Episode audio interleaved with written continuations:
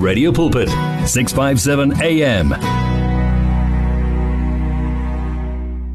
If you need prayer, please send your request to prayer at radiopulpit.co.za or WhatsApp 067-429-7564 or go to Radio Pulpit website on www.radiopulpit.co.za. Discover an abundance of life 657 AM Hello Sisbahle, hello to you listeners. Um, as you having the last show of the year, I thought I would send this message to say, you know, God bless you.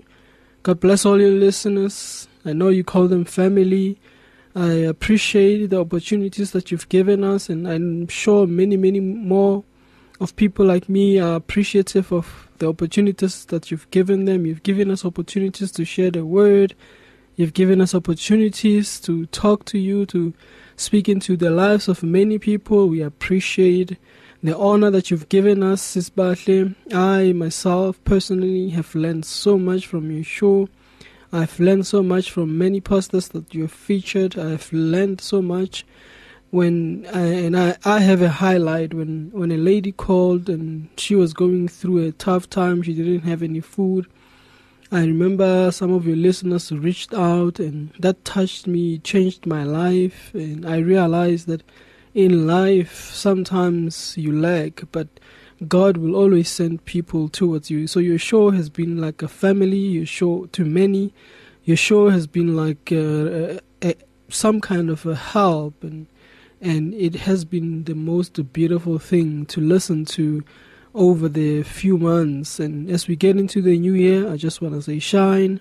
Happy New Year to you, Sis Butler. Happy New Year to each and everyone listening right now. Now I appreciate you. Now I love you. I want you to guys have such an amazing time with the and, and, and enjoy the following songs with me, my BB Winans. It all comes down to love and Marvin Sapp and and he talks about if it wasn't for the Lord, I wouldn't be where I am. So just live with me, enjoy. Our family is just getting bigger and bigger. Welcome to 657 AM. Eh methembe uNkulunkulu esho la uNeville D ethi for my good the Lord will keep you from all harm and he will watch over impilo yakho. uNkulunkulu will watch over your coming and going both now and for evermore unecebo elihle ngempilo yakho. Mm ihambe njalo ke i3 songs in a row. Pam kwakhe Lucas Maloma ethi gaufetoge umudimo um wasibusisa no Martha Munizi ethi I believe God. 25 before 4 o'clock. Um isikhathi sakho lesike sokuthi mina nawe esicokole mina nawe sixoxe nje eh ngalolu hlelo njoba sibe ndawonye kusukela ngoJanuary em kuze kube manje. In fact sineminyaka neminyaka sisonke bazalwane kulolu hlelo.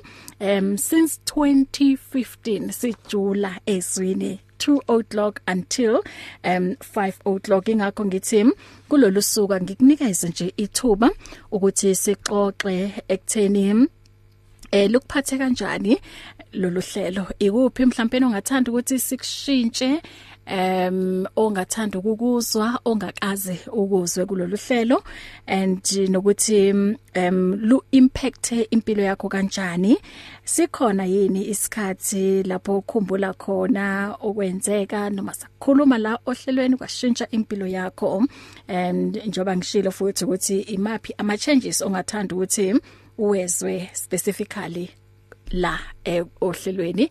Sijula ngizwi Ngizokunikeza ke ithuba emveni kokuthi sithole nansi imiyalezo. Ngino Dr. Jonathan Michael sosiphathele umyalezo omuhle. Uteng le abuti newo mabiletsa nayo unomyalezo omuhle esi bangathanda ukuthi bas encourage ngawo um njoba si siyalapha ke onyakeni omusha. Ithi ngikuthulele yona lemyalezo emveni kwawo ke em ngizofunda ngiyawabona ama WhatsApp ayangena. Kulabo ke bangathanda ukuthi sikhulume nje em ku phone nalapho ke ngizoyivulela incingo.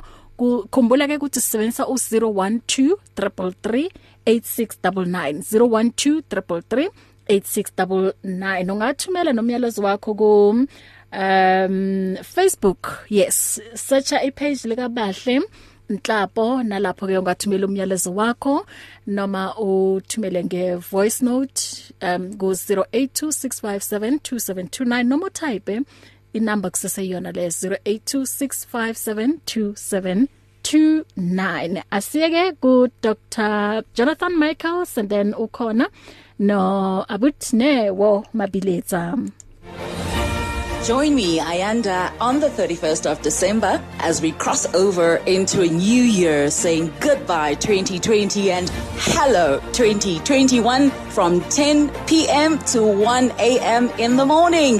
Don't miss From it. your ear to your heart to your mouth to your feet. Join this life on 657 AM. You can now buy your favorite programs and series of the past 38 years, as well as books, CDs, and more on eCompanion, Radio Pulpit's own online shop.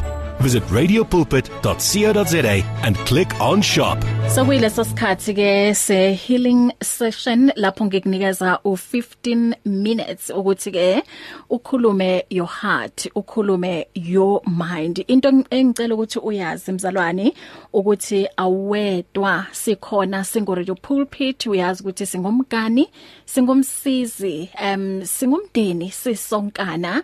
So nanoma ikuphi obhekana nakho khuleka nje ungashaya ucingo ungathumela iWhatsApp ungathumela neSMS and khumbula sinayo ne ne, ne line la ungathumela khona your prayer request. Ungayithumela ngeWhatsApp ku 067 4297564 uma kuukuthi mhlambe kwamanje awuka awukakabi right ukuthi ungakhuluma nathi live on air but ungathanda ukuthi sikhuleke nawe ungayithumela ke um, nange email ku prayer radiopulpit.co.za noma ku radiocancel.co.za singumkani singumsisi uyazi ukuthi sikhona la. Asiyindawo 24 hours a day um 7 days a week. So angikunikeze ke lesi sikhathi ukhulume nathi um ukuthi what kept you going uh, kulonyaka ka 2020 regardless or in spite of everything you have been through. What are you thankful for? What are you grateful for? Njoba ke sizongena onyakeni ka 20 21 asazi bazalwane ukuthi wona um usiphatheleni. Ithemba lethu silibeke kuJehova. And siyamethemba ngoba siyazi ukuthi ungunkulunkulu onothando.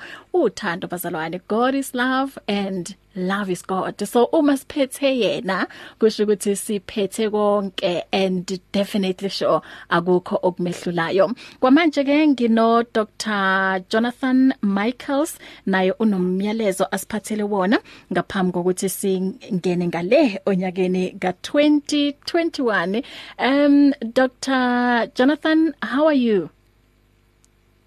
Greetings to you, Subahle, and the listeners of uh, uh, Radio Pulpit. It's good to be here. Thank you so much for having me.